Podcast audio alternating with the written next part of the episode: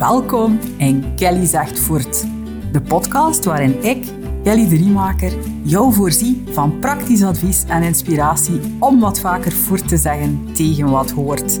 Zodat je weer volle bak kunt gaan voor wat jij nodig hebt.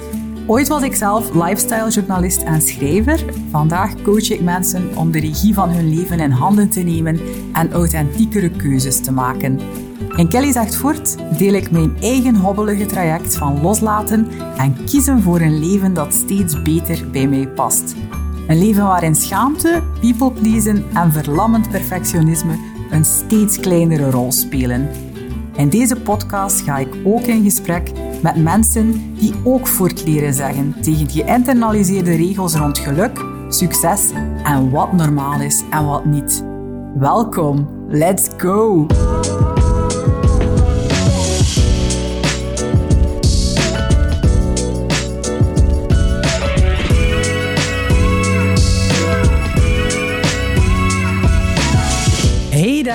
Welkom in weer een nieuwe aflevering van Kelly Zegt Voort. Ik had jou in de vorige afleveringen al verteld dat ik met mijn vriendin Louise naar New York City ben gegaan en dat dat een mega fijne trip was.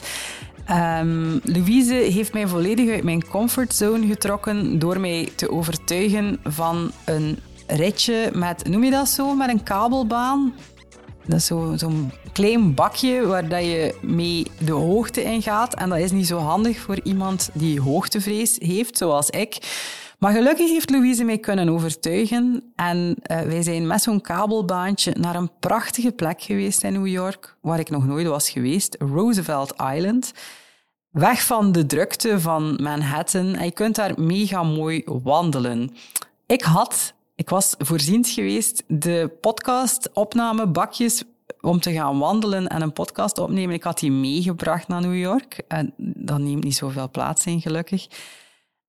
En uh, ik heb ze opgediept toen dat we aan het wandelen waren. En we zijn, aan, uh, we zijn beginnen babbelen over een onderwerp. We doen dat altijd zo. Hè. Het moment zelf van waar willen we het nu over hebben. En het bleek te zijn over samen op vakantie gaan, maar ook over emotioneel volwassen proberen te zijn in je relaties. En ook over grenzen kunnen en mogen stellen naar vrienden en familieleden. Zeker ook met de feestdagen die in zicht zijn. Ik hoop van harte dat deze aflevering jou opnieuw kan inspireren om wat dingen in vraag te stellen in jouw eigen leven. Al dan niet in je journal of in je dagboek of bij je therapeut of coach of waar dan ook. Um, wij hadden onze journal trouwens ook allebei mee naar New York. Misschien was dat ook wel de reden dat dit een uh, heel boeiend gesprek was, die een beetje weer all over the place was, maar dat is ook gewoon het uitgangspunt van deze wandelpodcast. Dus ik hoop dat je ervan geniet en ik wens jou in elk geval heel veel luisterplezier. All over the place. Hallo, hallo, hallo vanuit New York City. Nee, niet vanuit New York City, vanuit vanop, dat zo zeggen, Rose, Roosevelt Island, New York. En ik ben hier niet alleen. Ik ben hier voor de tweede keer met Louise, die zichzelf niet meer moet voorstellen, ben ik. Je bent al een paar keer voorgesteld geweest. Um, en we hebben het weer op, hetzelfde, op dezelfde manier opgevat, gelijk de vorige keer, als in ik had de opnameapparatuur in mijn rugzak zitten. We waren aan het wandelen. We hebben nog een wandeling te gaan hier op het eiland. Hebben we ontdekt ja. op de maps. Wat dat ons ruimte geeft om een babbeltje te doen. Um, net beslist wat het onderwerp wordt. Zie jij het zitten om het te introduceren? Uh, ik wil mijn best doen ja, we gaan het misschien samen doen. Als je er niet komt, ga ik je Voilà, voilà. Ja. We gaan, uh, ja. Um, nu, het is zo, wij, wij babbelen altijd. Hè. Dus we hebben te veel al... zouden sommige mensen misschien Het is een onderwerp dat eigenlijk vaak naar boven is gekomen, ook bij ons de laatste weken, maanden, uh, et cetera. En um, waar dat eigenlijk over gaat, dus we zijn samen op reis. Wat dat al een dingetje is, want ik reis heel vaak alleen. Mm Normaal, ik heb in het verleden heel vaak alleen gereisd. En dan was mijn verhaal altijd van, dan moet ik met niemand rekening houden. Hoera, zoiets. Terwijl Waarom zou ik continu moeten rekening houden eigenlijk met iemand als je op reis bent met iemand? Mm -hmm. Goeie vraag al. Voilà. Ja. Dus dat is misschien al een beetje in detail, maar waar we het eigenlijk een beetje over willen hebben is in hoeverre hebben we eigenlijk altijd iets te bewijzen in ons leven en hebben we altijd uh, ons te conformeren aan bepaalde onuitgesproken contracten of regels of dergelijke. Ja, inderdaad. Die, en als, je, als je met twee op reis gaat, gelijk of dat wij nu voor een week aan het doen zijn, uh, een soort olifant in de kamer soms zijn, of die zo doorschemeren in bepaalde interacties, maar die zelden of nooit echt worden uitgesproken. Ja. Zo. Ik ben aan het kijken omdat we daar de fire department zien. We, we zitten echt in New York. Ik vrees dat we van alles gaan zien. Misschien moeten we weer foto's, foto's trekken in een verslagje of zo. Ja, maar ja, ja, het staat er een grote brandweerwagen. Maar ik denk niet dat er iets aan de hand is. Uh, we gaan het wel zien. uh, nee, goede vragen. Want heel vaak zitten die dingen die niet altijd worden uitgesproken, die, die onuitgesproken verwachtingen bijna, ook tussen mensen in. Net doordat ze hangend zijn, maar niet bevestigd worden of zo. En dat we, we gaan er vaak naar leven of we gaan ons daar naar schikken. Um, en waarom hebben we ook deze, uh, uh, allee, dat onderwerp uitgekozen? Omdat we aan het denken waren wanneer deze aflevering ongeveer gaat gepubliceerd worden. En we dachten, het is dan al serieus winter. Ja. Allee, we weten niet qua temperatuur, want dat kun je tegenwoordig niet meer zeggen. Maar wel qua... Ja, we gaan richting feestelijkheden en familiegelegenheden en al. En ook daar speelt dat natuurlijk. In menselijke relaties is het heel vaak zo dat je bepaalde... Ja, verwacht, mag je dat verwachtingen noemen? Maar als je het verwachtingen noemt, dan zit er al direct een lading op natuurlijk. Ja. Um... Het gaat ook over hoe dat we zelf denken dat we moeten zijn. Bijvoorbeeld op vakantie of in familieverband. En uh, op welke manier dat dat ons soms tegenhoudt om bepaalde dingen te doen, uit te spreken, gewoon jezelf te zijn op vakantie. Mm En dat is wel belangrijk, denken we. Want um, misschien moet jij nog een keer dieper ingaan op, dan moet met niemand rekening houden. Ik was mij aan het afvragen toen je dat zei. En is het ook, dan moet er niemand rekening houden met mij? Dat dan speelt om dan er vaak voor te kiezen om alleen op vakantie te gaan, Ik denk dat ik dat een beetje te weinig heb gedaan, die reflectie. Dat ik te weinig heb gedacht vroeger van, waar heb ik eigenlijk nood aan?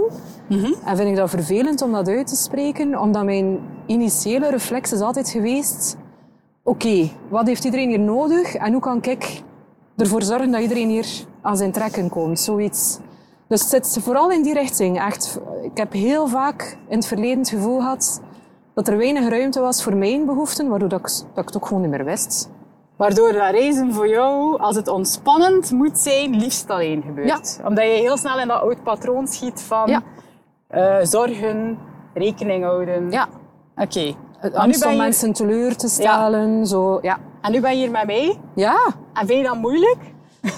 ik was daar wel een beetje zenuwachtig over op voorhand. Zenuwachtig is misschien een fout woord. Het was een, een, uh, een gezonde nieuwsgierigheid. Maar ik denk, het ding tussen ons is, we kennen elkaar ondertussen redelijk goed. Ja.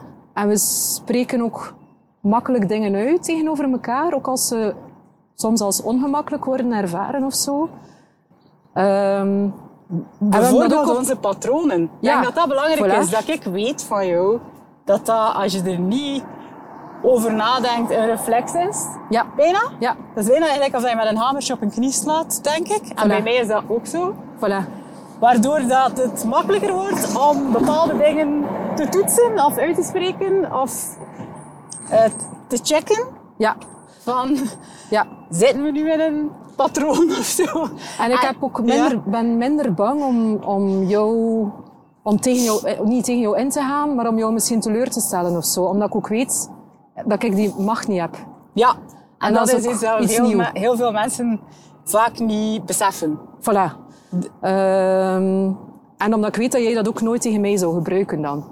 Nee. Weet wel, wat dat ook vaak gebeurt in andere omstandigheden. Er zijn een paar uh, termen of hashtags dat wij in conversaties tegen elkaar gebruiken, dat ja. we misschien een keer erbij moeten halen, omdat ik denk dat wat dat mijn ervaring is, en misschien herkennen de luisteraars dat ook, is woorden geven aan bepaalde dingen die lastig zijn.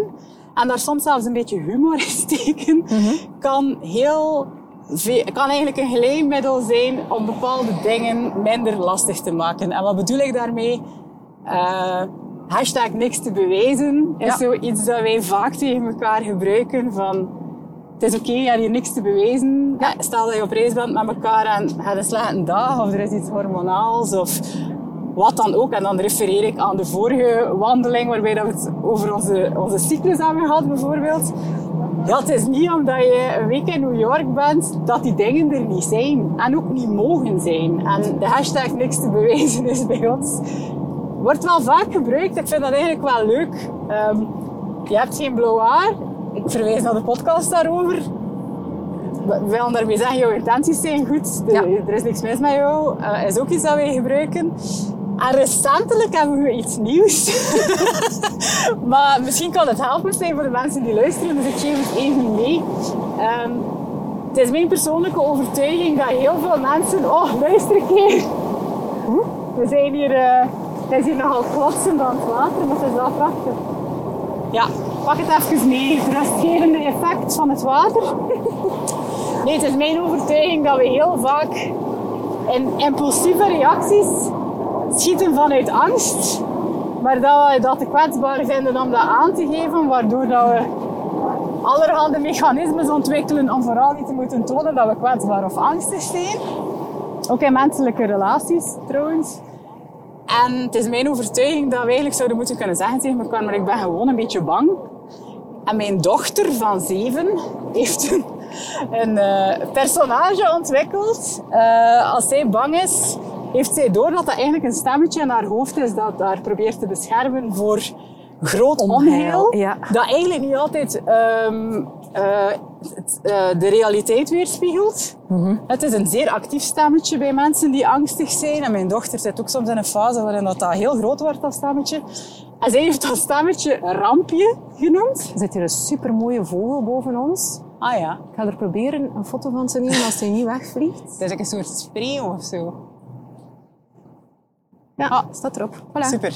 Ja, Flo heeft hem Rampje gedoopt. En wat dat Rampje doet in conversaties met Flo, is dat je door hem te benoemen, dat je eigenlijk al een beetje afstand neemt. En dat het niet is van, ik word hier compleet overweldigd door angst en ik ben bijna mijn angst. Maar Rampje is zeer luid aan het roepen. Ja.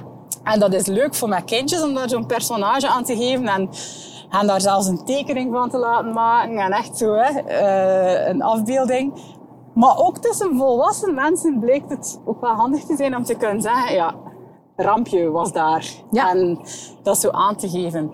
Ehm, en dat helpt, vind ik, om ja, dingen die lastig zijn om te bespreken, onder elkaar ook bespreekbaar te maken. Ja. Maar voor mij gaat het ook over een soort alertheid, is misschien een groot woord. Maar ik denk dat wij ons ook gewoon bewust zijn van al die dingen. En ook van onze gedachten, denk ik. En denk, bijvoorbeeld het journalen is iets dat mij daar enorm mee heeft geholpen altijd. Om een keer afstand te nemen van die gedachten en daar echt een keer naar te kunnen kijken met een nieuwsgierige blik van, ja, wat, van waar komt dat en waarom denk ik dat? En als je dat dan rampje noemt, op een moment dat je je zorgen aan het maken bent, of dat je aan het piekeren bent, want eigenlijk piekeren is heel vaak een klein rampje in jouw hoofd dat op dat moment heel veel lawaai aan het maken is. Hè?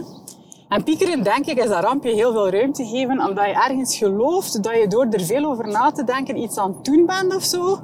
Terwijl je eigenlijk weinig concreet Ah, nee, het kost vooral heel veel energie maar het lost niks op. en aandacht. Voilà. Ehm, en als je dan kan zeggen van, mocht kijk, rampje is daar, dan ga je het eigenlijk gaan lostrekken van wie jij bent. Ja, Waardoor je het ook kan sussen en zeggen van, het is oké rampje. Momenteel is er niks aan de hand. Wat eigenlijk tegenovergestelde van dat piekeren is. Want ik denk, als je het zo, zo visualiseren met het figuurtje van Rampje, dat door te piekeren dat je Rampje al, altijd maar groter maakt. Ja, En door inderdaad te zeggen van, maar nu is het veilig, ik zie jou, ik weet dat je, dat je mij wil beschermen, maar eigenlijk in realiteit is het niet, niet zo rampzalig als jij hier eh, aangeeft, maak je hem kleiner. Ja. Alleen naar een kindje zou ik dat zo uitleggen, maar ik denk dat we dat naar volwassenen ook wel soms een keer... Allee, en het, gaat, het gaat echt over eh, taal geven waarmee dat gemakkelijk is om het erover te hebben. ja, Ehm, en dan komen we terug, denk ik, op... Ja, weet niet of dat, dat echt het onderwerp van deze aflevering is, maar voor mij gaat dat daar wel om. Hashtag niks te bewijzen, bewijsdrang. Het is belangrijk, denk ik, om je daarvan bewust te zijn dat wij allemaal, dag in dag uit, naar onszelf of naar anderen, de neiging hebben om bepaalde dingen die samenhangen met onze identiteit te willen bewijzen met onze acties of inacties of uh, hoe dat wij dingen aanpakken. En we zijn ons daar echt heel dikwijls niet van bewust, merk ik. Ja. Um, en heel, als je wil weten wat je probeert te bewijzen, dan is een advies dat ik soms geef aan mensen.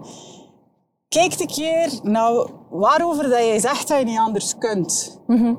Daar zit heel vaak een soort bewijsdrang op. En dat, gaan, dat kan over vakantie gaan. Hè. Wij zijn hier nu met twee op vakantie voor een week. Um, ik heb net tegen jou gezegd, zeg, zouden wij niet een keer een halve dag of een dag alleen of show gaan? We vinden dat alle twee leuk. En dan kun je op voor, dan zou je kunnen denken, maar ja, als je samen op vakantie samen bent, dan uit, samen dat, thuis. Ja. de lekkere dood doen in deze wereld. en dat is ook oké. Ik heb er op zich geen probleem mee. Maar het gaat ook over wat wil jij, wat wil ik. Ik weet dat wij alle twee graag alleen zijn. Ja. Ik vind dat heel leuk dat ik hier met jou in New York ben. Tegelijkertijd zijn we alle twee ook wel veel. Allee, Ja, ja. jij weet dat je veel bent en ik weet ook dat ik veel ben. Ook dat, Ja. trouwens. Ja. En ik weet dat heel veel mensen zouden dat ook niet durven uitspreken tegen elkaar. Van, als ik een dag bij jou ben geweest, dan denk ik ook soms van... En nu heb ik echt even nood aan, aan stilte, ontwikkelen. Mijn hoofd staat even... Mijn- eh, ja, ook, ook omdat wij gewoon... uit de oren, zoiets. er gebeurt altijd veel. Ja. En dat mag. Het is oké. Ik vind het oké. Ja, we zien een vuurtoren nu. We zijn Ehm. in, in het Lighthouse Park op Roosevelt Island. En het is een super mooie oude vuurtoren, denk ik. Je ziet er oud uit. Ja, en het zegt van New York. kennende kan het ook een zijn van twee jaar geleden. Het ziet er wel zo niet uit. Ik vind Nee. hem heel mooi. Nee, maar het gaat ook, voor mij gaat dit ook over ken jezelf, maar ken en herken ook de ander. En aanvaard ook dat, dat, dat bepaalde dingen gewoon zo zijn en dat dat geen betekenis hoeft te hebben. Allee, als ik nu zeg tegen jou, misschien mo- moeten we elke halve dag splitsen of een dag splitsen. Kun je daar allerhande betekenissen en invullingen aan geven, maar dan gaat dat voor mij ook over check dat een keer bij elkaar. Of geef ook aan aan elkaar. Maar dat is niet altijd simpel. En voor mij gaat het altijd over bewustzijn. Waarom doe je de dingen dat je doet? Waarom heb je het gevoel dat je niet anders kunt? Waarom heb je zelfs het gevoel dat je bepaalde dingen niet ter sprake kunt brengen onder elkaar? En dan ga ik heel snel naar de term veiligheid. Als je jou niet veilig genoeg voelt bij de persoon, als je dingen niet durft uitspreken, dan, eh, dan zit je eigenlijk met een probleem van veiligheid. En als dat in jouw intieme relaties is, dan bedoel ik vriendschappen, partners, familie, dan zit je daar eigenlijk wel met een heel groot vraagteken van waarom durf ik dat niet zeggen? Waarom voelt dat onveilig voor mij? En in hoeverre kan je dan echt jezelf zijn en ook je eigen behoeften effectief gaan uitspreken of zelfs voelen? Ja. Dat alleen al. En Ehm. zeker in, in relaties met ouders, om nu terug te keren naar het gegeven feestdagen met familie, Ja. Ehm, valt er heel veel te ontdekken. En ik heb eh, nog niet zo heel lang geleden een eh, sociale media post gedaan met de vraag, heb jij al mogen puberen? Heb jij al echt mogen puberen?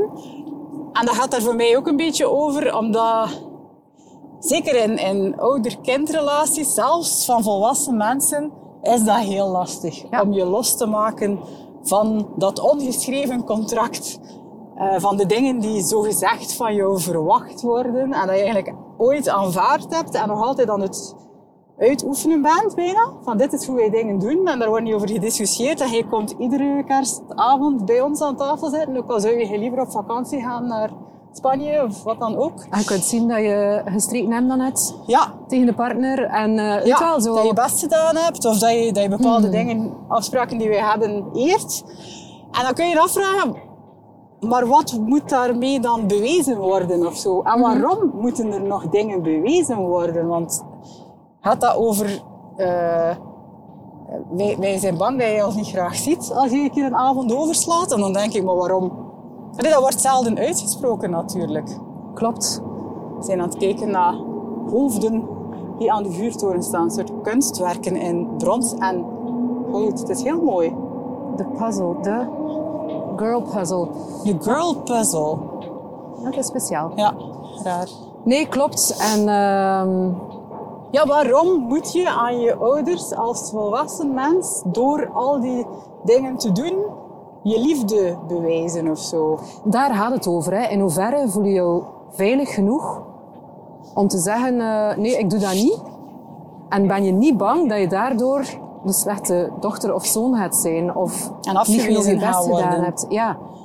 Ehm, En dat contract, dat zijn eigenlijk voorwaarden hè, die worden gesteld door ouders, maar ook door vrienden, door vriendinnen. door de maatschappij. Alleen nog een dom voorbeeld. We zijn nu inderdaad hier in New York. Wat dat blijkbaar voor heel veel mensen impliceert. Ah, wat ga je er allemaal doen? Je gaat toch wel dat en dat en dat Ja. bezoeken.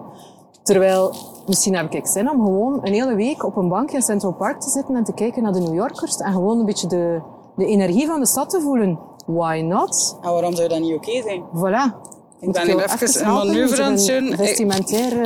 Ja, wacht, het komt goed. Ik ga gewoon mijn trui doen en mijn zonnebril aan jou geven. Dat mag ook allemaal, hè, als je een podcast had. Het is echt even heet. Heb je niet te warm? nee, het is oké. Oké, voilà. Oké, dit is gelukt. Ik ga dat rap hier in mijn rugzak val... All in a day's work en in een opname. Maar het is oké. En inderdaad, dat zijn boeiende vragen. En dat vereist wel soms ook lastige inzichten kunnen aanvaarden over de relatie die je hebt met belangrijke personen in je leven. Of die je denkt te hebben. Want als je spreekt over voorwaarden, dan spreek je eigenlijk over voorwaardelijke liefde en niet over onvoorwaardelijke liefde. Terwijl een ouder ziet zijn kind altijd onvoorwaardelijk graag. Maar blijkbaar zijn kinderen vaak te bang om dat te kunnen of mogen aanvaarden of zo van zichzelf. Het is eigenlijk, in dat puberen zit er een stuk fuck you durven zeggen tegen mensen rond jou die jou heel graag zien, zonder dat je bang bent dat ze jou nooit meer gaan graag zien. Maar ik kan nog altijd geen fuck you zeggen tegen mijn ouders. Dat is Ah, mijn wel. angst. Ja. Terwijl zij zien mij graag, hè, onvoorwaardelijk. Ik ben er 100% zeker van.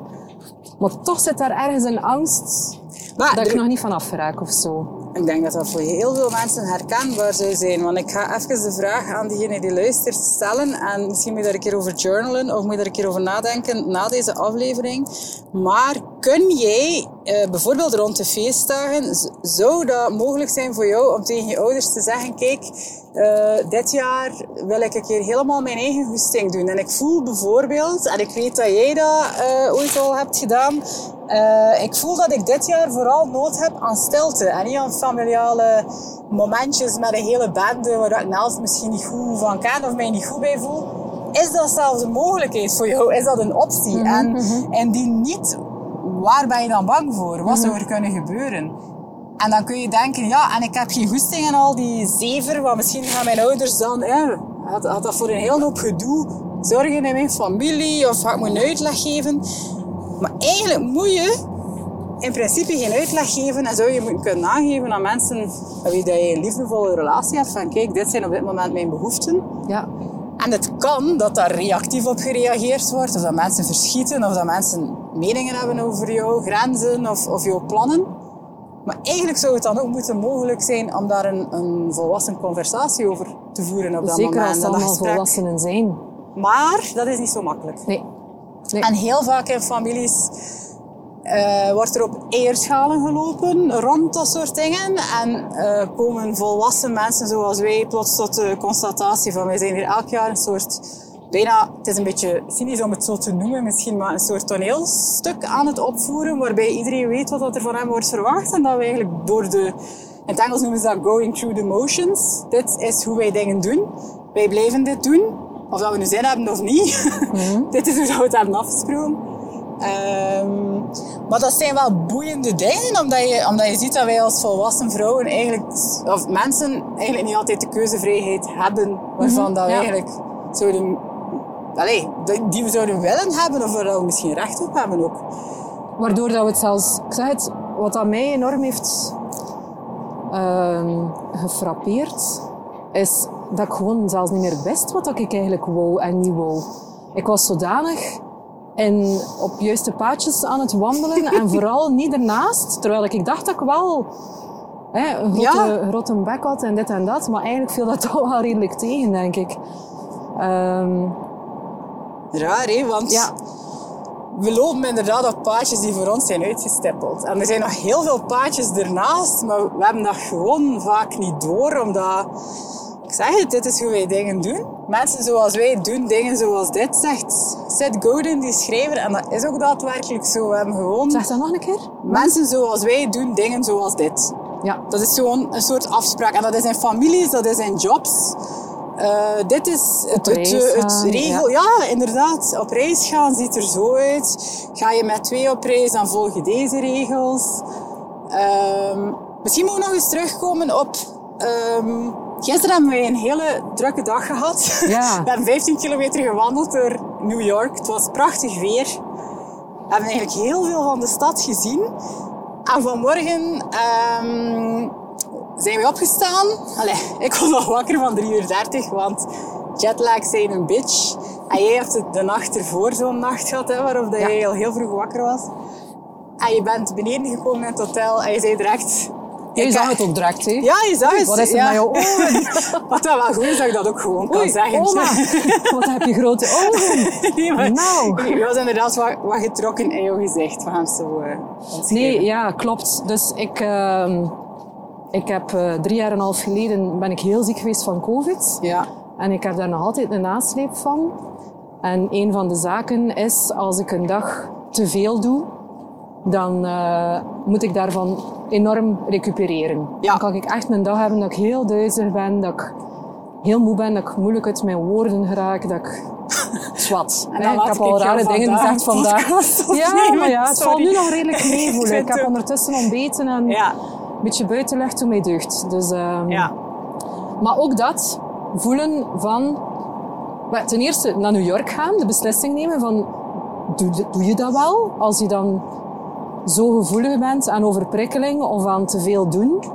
Maar wie zegt dat ik die, Hans die dagen volledig vol moet plannen? Hè? Ik bedoel, dus dat is al een dingetje van... Kan je dat voor jezelf loslaten? Weet je, wat dat wij ook... Ik sprak over rampje en niks te bewijzen en hashtags. Maar een van de zaken dat wij ook heel vaak tegen elkaar zeggen is... Of niet. One of my favorites. Echt? Leg ik eruit hoe dat we dat gebruiken? Maar bij alles bijna. Eigenlijk bij alles. Eigenlijk gaan we er bij alles van uit. Is dat wel zo? Moet dat wel zo? Het gaat over die ongeschreven contracten of regels of zo al- afspraken. algehele waarheden dat we heel snel aannemen Ja. maar- en, en als waarheid zien. Ehm, jij hebt daar ooit iets heel moois over verteld, dat iemand jou erop heeft gewezen dat je heel vaak tegen mensen zegt, geniet ervan. Hè?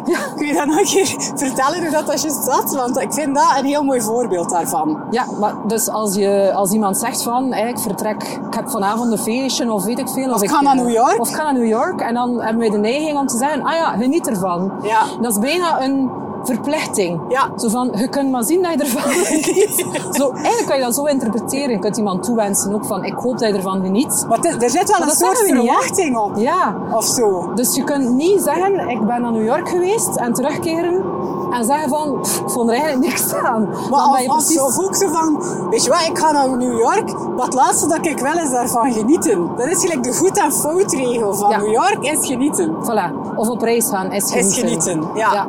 Oké. Ehm, dus het of niet dingetje. Ja, en iemand heeft jou erop van, gewezen ja, van, geniet ervan, je, hè. je geeft hier gelijk een soort druk mee of zo. Of Ja, een- ja. Zo, dat is een van die ongeschreven ja. Contractjes zo precies. Dat je, dat je op dat moment tekent van, ah ja, dat is juist, ik ga, naar, ik ga met genieten. Ik Ja. mag op reis. En ik zie mijn privilege, hè. pas op, ik vind, vind het heel fijn om je te Ja, kunnen ja, zijn. ja, daar gaat het zo niet over, denk ik. Voilà, het is ook de eerste keer in vier jaar tijd dat ik, dat ik mezelf zo'n rei- zo'n reis gun. Mhm. Ehm, en ik ga, ik ga hiervan moeten bekomen, dat weet ik nu al. Los van, van het feit dat het overweldigend is, maar ook fysiek voel ik dat dat... Veel vraagt. Voilà. Ja. Maar ik wist dat op voorhand. En dat was op voorhand voor mij... Ja, als iemand zei tegen mij nu... Geniet ervan, dan was mijn respons in mijn hoofd vaak, want ik ga dat niet altijd uitspreken, want anders moet je daar een heel uitleg aan geven. Ja, of niet, hè. Ja. Zelden heb ik die druk van moeten genieten eh, meer gevoeld toen dat ik een huilbaby had. Och ja. En heel erg door elkaar gesmeten was door de eerste keer moeder worden en zo. En de keer, eh, ik, ik kreeg dan kaartjes met geniet. dat is het laatste dat ik ooit op een kaartje voor een pasgeboren baby zet. Omdat ik denk van de druk... Alleen nee, het gevoel van ik doe hier iets verkeerd. Omdat ik niet, aan het, niet alleen maar aan het genieten ben kan echt wel uh, behoorlijk een domper op, om het, allee, niet op de feestvreugde, maar gewoon het, het, gevoel van iedereen geniet en ik niet. Er is iets mis met er mij. Er is iets mis met mij. Terwijl je kunt um, een week in New York zijn en een slechte dag hebben. Of een slechte week hebben. Mm -hmm. Het kan dat je hier met een verwachting naartoe komt en dat heel je reis naar New York tegenvalt, om wat voor reden dan ook. En die of niet, is inderdaad een manier waarop dat wij, als we zo aan het babbelen zijn, en we smijten zo heel rap iets in het gesprek van ja, dingen moeten zo of zo. Eén van ons twee gaat altijd zeggen of niet. Ja. En ik vind dat dat heel... Um, dat geeft zuurstof voor mij. Het is ontwapenend, hè? Het haalt ja. zo de, de spanning van iets af. Ja, en, en het geeft ook aan dat er altijd opties zijn. Ja. En dat het oké is dat je een keer een dag hebt waarop dat je denkt... Of stel nu dat je met mij een week in New York zit geweest en je denkt... Oeh, ik vond het eigenlijk niet zo tof en het is de laatste keer of dat was nog niet wat ik nodig had. Voor mij is dat ook de vraag hè, van... Uh, niet alleen uh, gaat het over mag ik een keer mijn volledige zelf zijn... Maar de ander moet ook wel bereid zijn om te aanvaarden dat dat met twee reizen ook impliceert dat je een ander niet kunt controleren. Ja. Weet je wel wat ik bedoel? Mm -hmm. Wij hebben, het, gaat, het is in twee richtingen ja. voor mij. Als ik vind dat ik mezelf moet kunnen zijn en grenzen moet kunnen stellen naar jou toe, mm -hmm. moet ik ook aanvaarden dat jij ochtends opstaat en een naar mij toe stelt. En dat is voor mij ook veiligheid en emotionele volwassenheid. Dat je ja. moet beseffen dat het in twee richtingen gaat. Want heel vaak denken mensen van ja, dat gaat toch niet zo leven, want je moet toch altijd rekening houden met elkaar. En ik denk dat wij dat ook doen. Ik denk dat wij dat meer doen dan dat ik ooit in mijn leven al gedaan heb zelfs. Omdat we veel uitspreken. Voilà.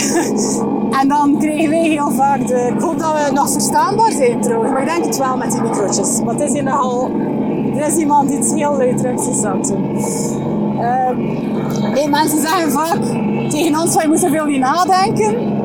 Maar ik vind het heel helpend om na te denken en dat soort dingen ook te doorprikken. Van, um, en dingen niet te persoonlijk te nemen ook. Niet alles gaat over mij of over jou. Ja, voilà. Het gaat ook over, hoe kunnen we dat hier... Het is niet wij tegen elkaar of zo, het is wij tegen de omstandigheid. Um, of ja, met de omstandigheid. zelfs. Ja, voilà. Allee, stel nu dat je vanochtend wakker werd en je voelde aan alles van oké, okay, dit gaat hem niet worden dan heeft het geen zin dat ik heel defensief word en begin met... Ja, maar ja, we zijn hier in New York. We zijn hier nu toch met twee. Kun je niet beter je best doen of zo? Of, of kan wel verwachten dat je... En dat gebeurt ook heel vaak als je je niet bewust bent van je eigen uh, oude wondes rond afwijzing. Of weet wel, of niet gehoord of gezien worden. Dus het is wel gemakkelijker als twee mensen op dat vlak al een klein beetje hun werk hebben gedaan. En in dingen niet te persoonlijk nemen of in kijken naar ja, welke default dingen dat wij schieten en zo. Ja, ja um, klopt. En dat telt voor alles. Ik denk dat je, dat je maar op het punt komt van uh, met nieuwsgierigheid kunnen kijken naar, en nu kom ik terug op zo feestdagen en ouder-kindrelaties uh, en weet ik veel wat. Dat kan maar als je eerst heel goed hebt gekeken naar je eigen shit op dat vlak en je eigen geloofsovertuigingen over wat is een goede vriendin, wat is een goede dochter, wat is een goede ouder-kindrelatie. Hoe kan je als volwassene je losmaken van je ouders zonder ze volledig weg te duwen? Dat zijn allemaal lastige vragen, maar wel goed om een keer naar te kijken. Ja, ja, en het gaat echt over jezelf ook leren kennen en jezelf de ruimte geven om je te ontwikkelen. Um, zonder schuldgevoel. Want dat is ook iets dat dan heel vaak daaraan gekoppeld wordt. Hè? Want je zei daarnet, als ik nu vanmorgen had opgestaan en het ging echt volledig niets, dan moet ik ook al het durven uitspreken. Zonder mij schuldig te voelen ook ten opzichte van jou. En vanmorgen hebben we al een gesprek gehad in de koffiebar, toen we aan het ontbijten waren, waarin we het hadden over schuldgevoel. Ja. Want ik heb het hier nog niet gehad over een ander, een ander verhaal, dat mensen zijn misschien, of niet, of, niet, vragen bij stellen. Ik ben hier zonder man en kind. Ja. Kinderen. Uh, jij hebt ook je kroost niet meegebracht. Nee. We hebben dat bewust gedaan. Klopt. Ik coach soms vrouwen die tegen mij zeggen, oh, zo chic dat je dat doet, maar ik zou dat niet kunnen, want ik zou mij veel te schuldig voelen tegenover mijn kinderen. En vanmorgen hadden we het erover dat ik zei, ik ben gestopt met mij schuldig voelen. Beste beslissing ooit. Ik voel mij hier helemaal niet schuldig over, omdat ik dat beslist heb voor mezelf. En um, dat is juist hetzelfde met tegen je ouders zeggen dat je liever iets anders zou doen met kerst. Maar dat niet doen omdat je je zo schuldig zou voelen. Schuld schuldgevoel is eigenlijk, ik heb iets verkeerd gedaan. En dan moet je dat in vraag stellen. Van, mm -hmm. Doe je daadwerkelijk iets verkeerd? Als jij tegen je ouders zegt, we hebben dit 25 jaar zo gedaan, bij wijze van spreken. En ik heb een keer erover nagedacht, maar ik, uh, op dit punt zou ik eigenlijk mijn kerstavonden liever anders invullen. Niet omdat ik jullie niet graag zie, maar omdat ik een volwassen mens ben die andere noden heeft op dit moment. En dan kun je er nog voor kiezen om iets... Het is niet dat je dan zoiets hebt van, uh, fuck this shit, ik, mijn ouders moeten maar een plan trekken. Maar je kunt wel vormgeven aan bepaalde rituelen en dingen zonder dat je iets te bewijzen hebt door tegen je hoesting aan een feesttafel te gaan zitten maar ik weet niet hoeveel volk, bij wijze van spreken. Het gaat over de intentie waarmee dat je dingen doet uiteindelijk. Hè? Wij voelen ons vaak schuldig. Allee, ik denk, je kan dat beamen. Ik voel me heel vaak schuldig over zaken Waar ik zelfs niks mee te maken heb ah, of ja, zo. Ook. Dat is zo passeren aan een politiecombi en denken, oké, okay, ze gaan me tegenhouden en ik heb hier van alles verkeerd gedaan. Ja. Ik weet wel niet wat, maar voilà. ze gaan wel iets vinden, want het is maar, altijd mijn schuld. Dus. Voilà. Of, uh, hey, je, zoals jij nu ook zei, hè, van oké, okay, ik weet, mijn kinderen missen mij. Ze zeggen ja. dat ook aan de telefoon. Ja. Maar ik voel mij niet schuldig, want ik ben hier niet omdat ik hen het gevoel wil geven dat ze mij moeten missen. Nee. Dat is niet mijn intentie van, allee, ben ik weg en kan ik zorgen dat mijn kinderen mij echt een keer goed missen. Ja, dat is afzien. Ja, daar gaat het niet over. Ik ben hier met de intentie, ik wil naar New York, ik ga hiervan genieten. Mijn kinderen zijn bij de papa, die dat volledig ook aan kan. Ja.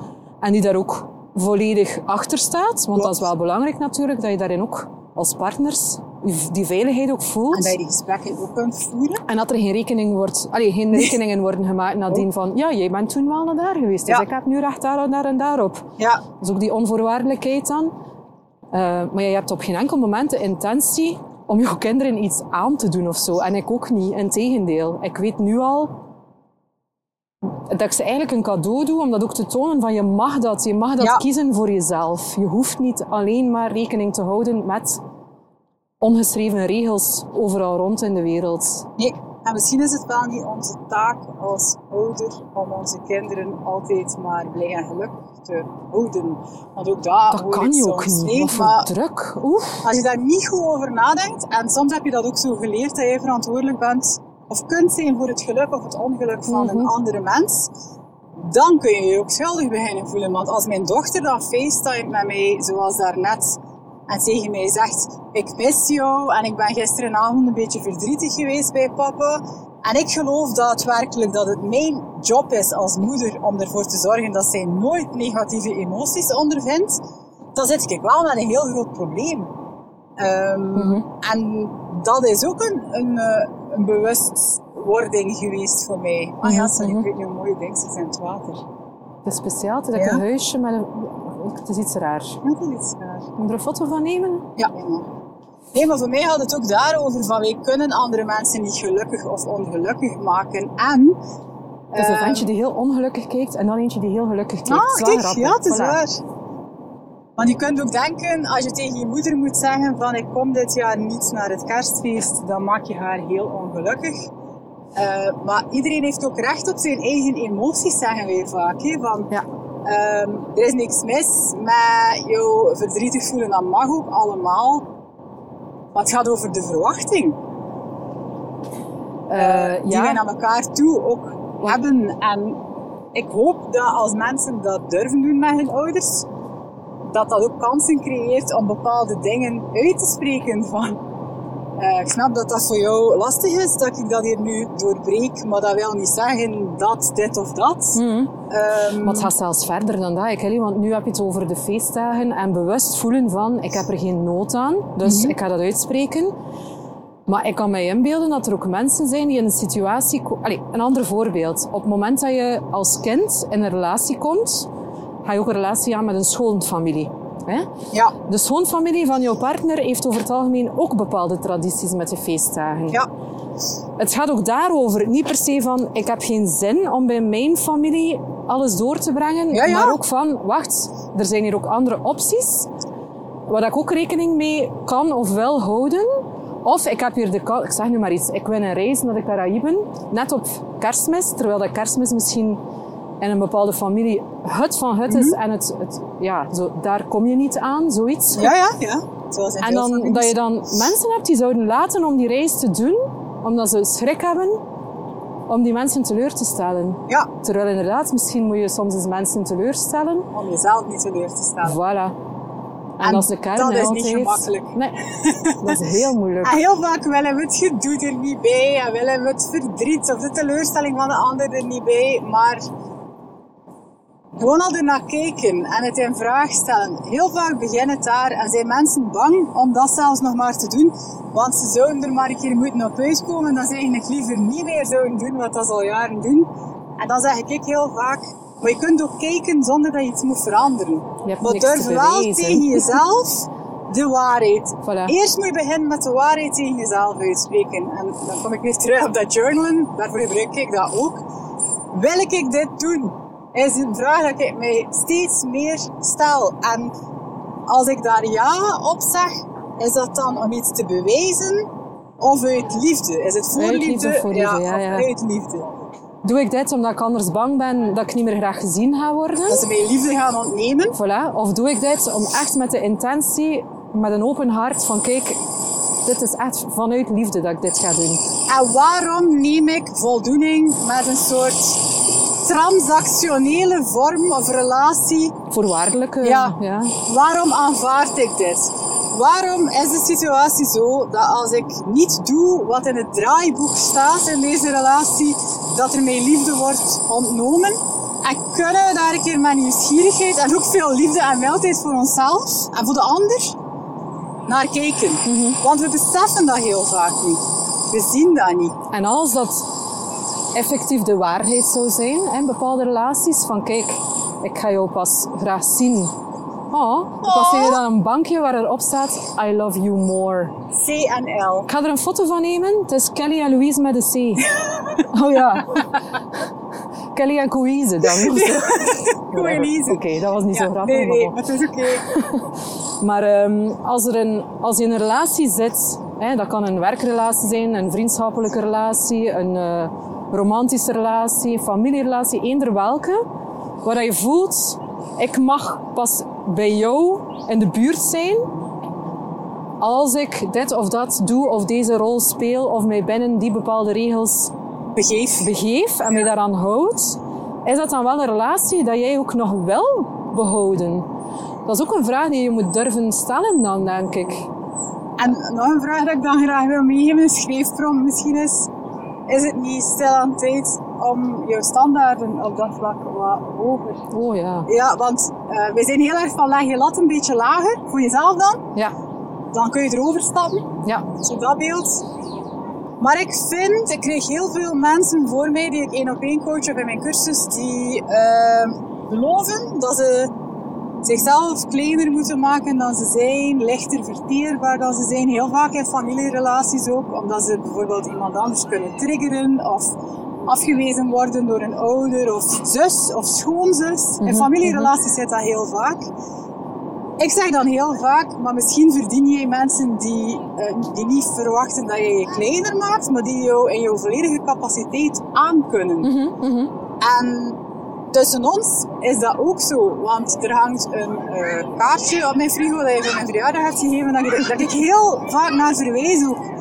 Er staat, het is een tekening, het is een cartoon van ongeschoren benen.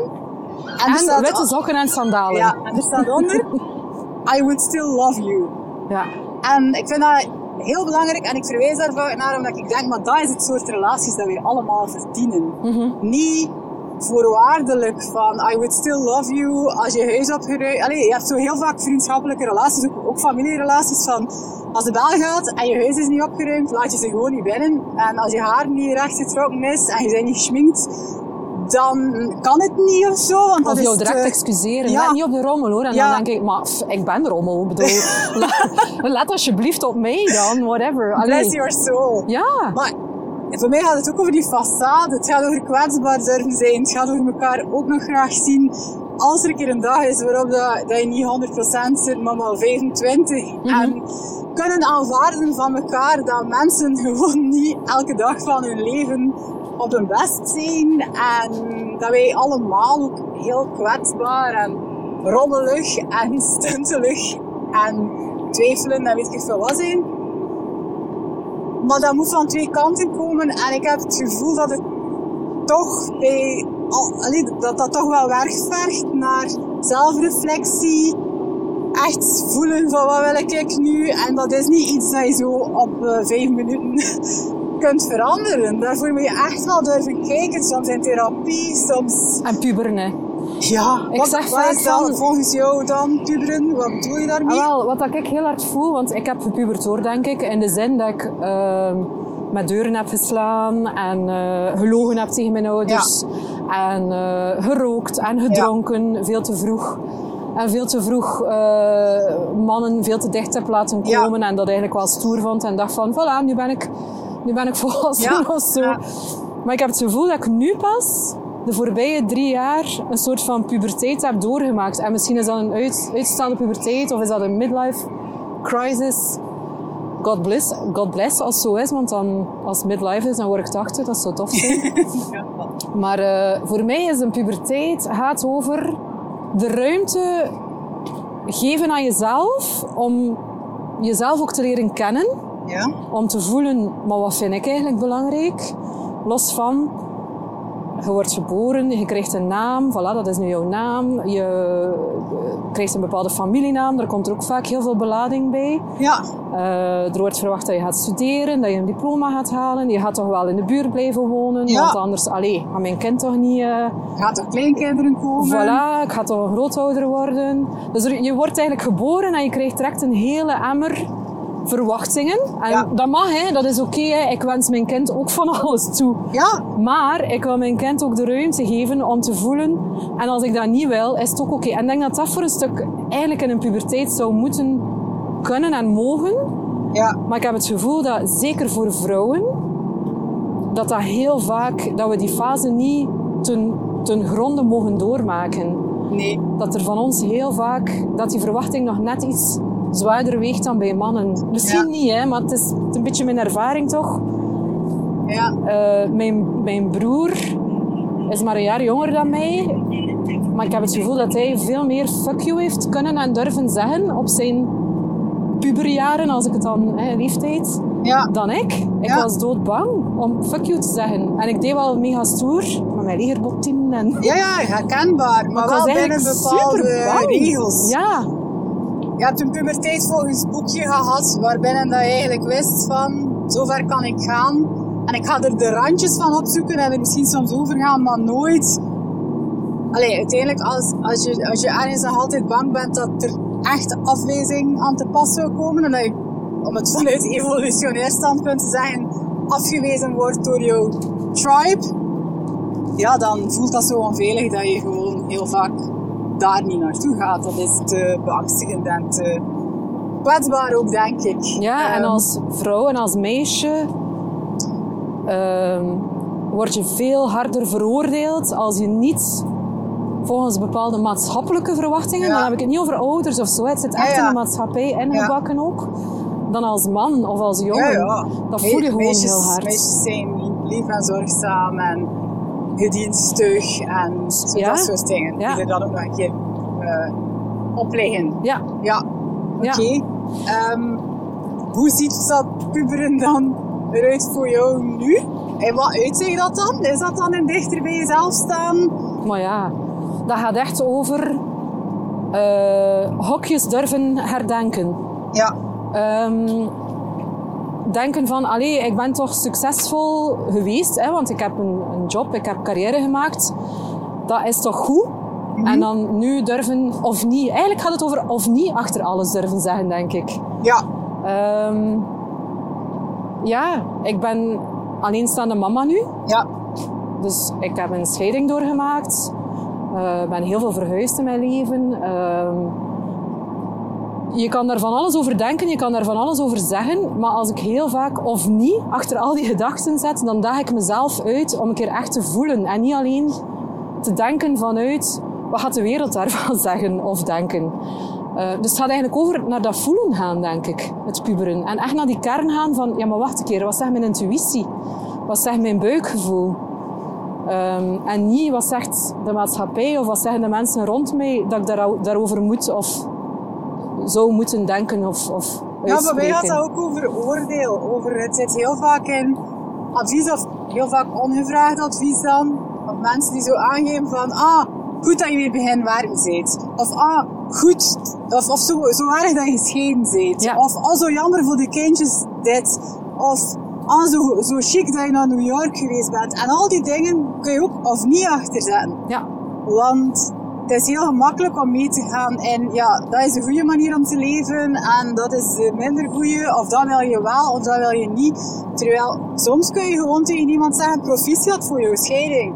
Bijvoorbeeld. En dat, het hoeft niet altijd te zijn van zo erg dat, je, dat, je, dat, dat dit gebeurd is. Soms uh, gaat een relatie ook maar tot op een bepaald punt. En het is niet mhm. omdat wij ergens uh, van kind afgeloofd hebben en dan moet ik nu terugdenken aan blind getrouwd en wat dat er voor ons allemaal naar boven komt als wij die koppels uh, die, dat huwelijk zien doormaken en die ouders die zeggen, oh ik ben zo blij dat niemand gevonden heeft voor de rest van zijn leven, dat is zo lief en zo goedje. Eindelijk, Ja, en dan denk ik, dat gaat ook daarover van, wauw, zo chic dat het eindelijk getrouwd is, of niet. Ik bedoel, ben zo, zo vaak zijn wij doordrongen van hoe dat de dingen zouden moeten zijn, dat we het gewoon niet meer in vraag stellen waarom dat het zo erg zou zijn dat je 27 bent dat je nog niet de vrouw van je leven gevonden hebt. En het is een lieve en een brave. En dat dat, zo moet zijn. Dan denk ik... Dat is ook wel de druk van de verwachting. Dat je zo de schouders van de ouders in de dienst die zakken van pure opluchting dat hun kind eindelijk van straat is. Ja, Maar dan denk ik, maar wat doet dat allemaal met ons? Al die dingen. En ook heel het huwelijk eigenlijk staat wars van de verwachting. Hè? Dat is ongelooflijk. Je wordt geacht op het moment dat je trouwt met iemand, van de rest van je leven, sickness en in health en weet ik veel ja. wat allemaal. Um, ja, of niet, hè. Ik bedoel, mensen veranderen, situaties veranderen, soms ontgroeien gewoon iemand. Ben je daarom dan een slecht mens op het moment dat je of is daarom van... mislukt? Voilà, misschien niet. Misschien zijn er tien fantastische jaren geweest, maar is het dan ook op? Voilà. Of niet? Ja? En dan, wie bepaalt dat? Eigenlijk gaat het altijd daarover van, maar wie bepaalt dat je daar of daar schuldig of gelukkig of voldaan of onvoldaan of bang of boos over moet voelen? Ja. En waarom niet er zelf gewoon voelen van, vind ik dat eigenlijk zo erg? Of vind ik dat eigenlijk wel nodig? En daar moet je het stil voor durven maken. Want we zijn heel vaak zodanig aan het kijken naar de levens van andere mensen, de mening van andere mensen op Instagram en aan het weglopen met je telefoon. Hmm. Omdat we niet zo moeten alleen zijn met wat wij daadwerkelijk voelen en wat er echt gebeurt in ons lichaam en of dat wij ons veilig of onveilig voelen bij iemand. Duw dat heel graag op allerhande manieren weg. Terwijl laat dit misschien opnieuw een uitnodiging zijn om een keer te kijken. Want daarover gaat het voor mij altijd. Vergeet niet te, Vergeet kijken. Niet te kijken naar wat dat jij voelt, wat dat jij wilt, wat dat jij belangrijk vindt. Je hebt niks te bewijzen. Dat. Hashtag. Uh, hashtag niks te bewijzen. dus ik denk dat we misschien kunnen afronden, maar nog een keer terugkomen op de uh, hashtags en de dingen dat we zijn. Nee. Hashtag niks te bewijzen vind ik, ik weet niet hoe. Of niet is iets dat je zo vaak mogelijk achter dingen kunt gooien om het inderdaad een keer open te trekken. Voor mij is dat zoiets. Mm uh, wat hadden we nog? Rampje. Rampje. Dat we ook meenemen. Hè? Dus dat ook. Hè. Uh, ja, op het moment dat je voelt van, wow, ik zit hier in een... Uh, begin me hier heel veel zorgen te maken over iets. Is het nodig? Is het effectief aan het gebeuren? Of ben je zorgen aan het maken over een potentiële rampzalige uitkomst van iets wat dat helemaal op vandaag niet aan de orde is. Ja, je kunt dat ook, uh, als je bijvoorbeeld heel erg vanuit je oude patronen um, reactief bent in jouw relaties. En dan bedoel ik bijvoorbeeld in een situatie waarin je van morgen beneden komt en zegt, allez, zo gezegd hebben, ik voel me niet zo goed, ik ga vandaag niet doen wat we gepland hadden. Als ik niet oplet, kan ik dan heel snel gaan van, ja maar ja, ik ben hier wel in New York en ik had wel verwacht dat wij dat gingen Mhm. doen. En nu moet ik rekening houden met jou. Dat is ook een rampje. Ja, dat is een rampje die begint te roepen Als je dat voelt, ja, dat ik ook zeg van, ik snap het. ja, dat mag. Begrijp het, je mag. Je mag teleurgesteld zijn in mij, maar ik, ja, voor mij is het nu te veel. En dat is een zinnetje dat ook belangrijk is trouwens. Ja. Ik snap dat je boos bent op mij. Ik snap dat je teleurgesteld bent Ja. in mij. Dat is oké. Doe dat maar. Tuurlijk, het is jouw gevoel. Het is jouw gevoel, ik ga dat niet tegenspreken, maar op dit moment eh eer ik ook mijn gevoel. Ja. En ik ga ervan uit dat onze relatie eh, genoeg aan kan, of matuur of volwassen genoeg is om ook dit te doorstaan. En dat is de reden dat ik het je zeg. En, En indien het- niet, is het neem ook ik, goed om neem te ik het risico en weet ik van, oké, als hij dat niet aan kan, dan ga ik mij niet aanpassen om die relatie alsnog te reanimeren of zo. Ja, voilà. Dus ik ga mij niet in bochten wringen om iets levend te houden, terwijl ik dan eigenlijk vooral mezelf aan het verraden ben. Voilà, en dat is inderdaad de vraag waarmee dat ik graag wilde afronden.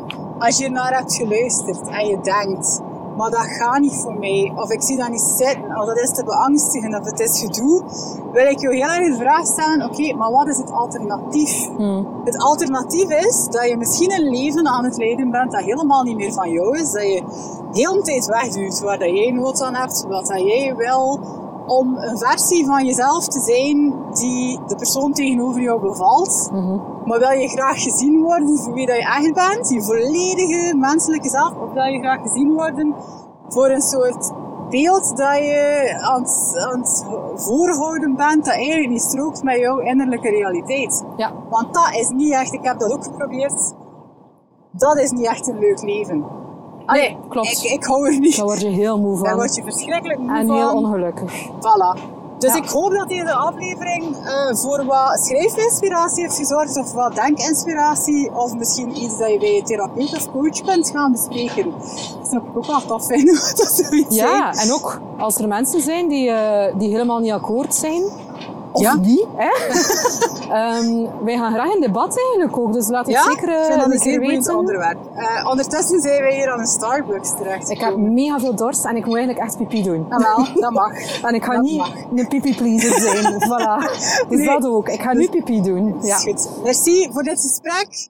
Merci om te luisteren. Ehm, en inderdaad, als je er iets over wil delen of roept iets op, kom ik hier goeiedag zeggen op mijn Instagram pagina. En dan kunnen we er verder over babbelen. Zou super leuk zijn. En fijne feestdagen. Ik weet niet hoe lang dat nog gaat zijn. Misschien is het al gepasseerd en heb ik mijn planning niet geëerd. So be it. Het is ook goed. Maar eh, het beste. Salutjes. Tada!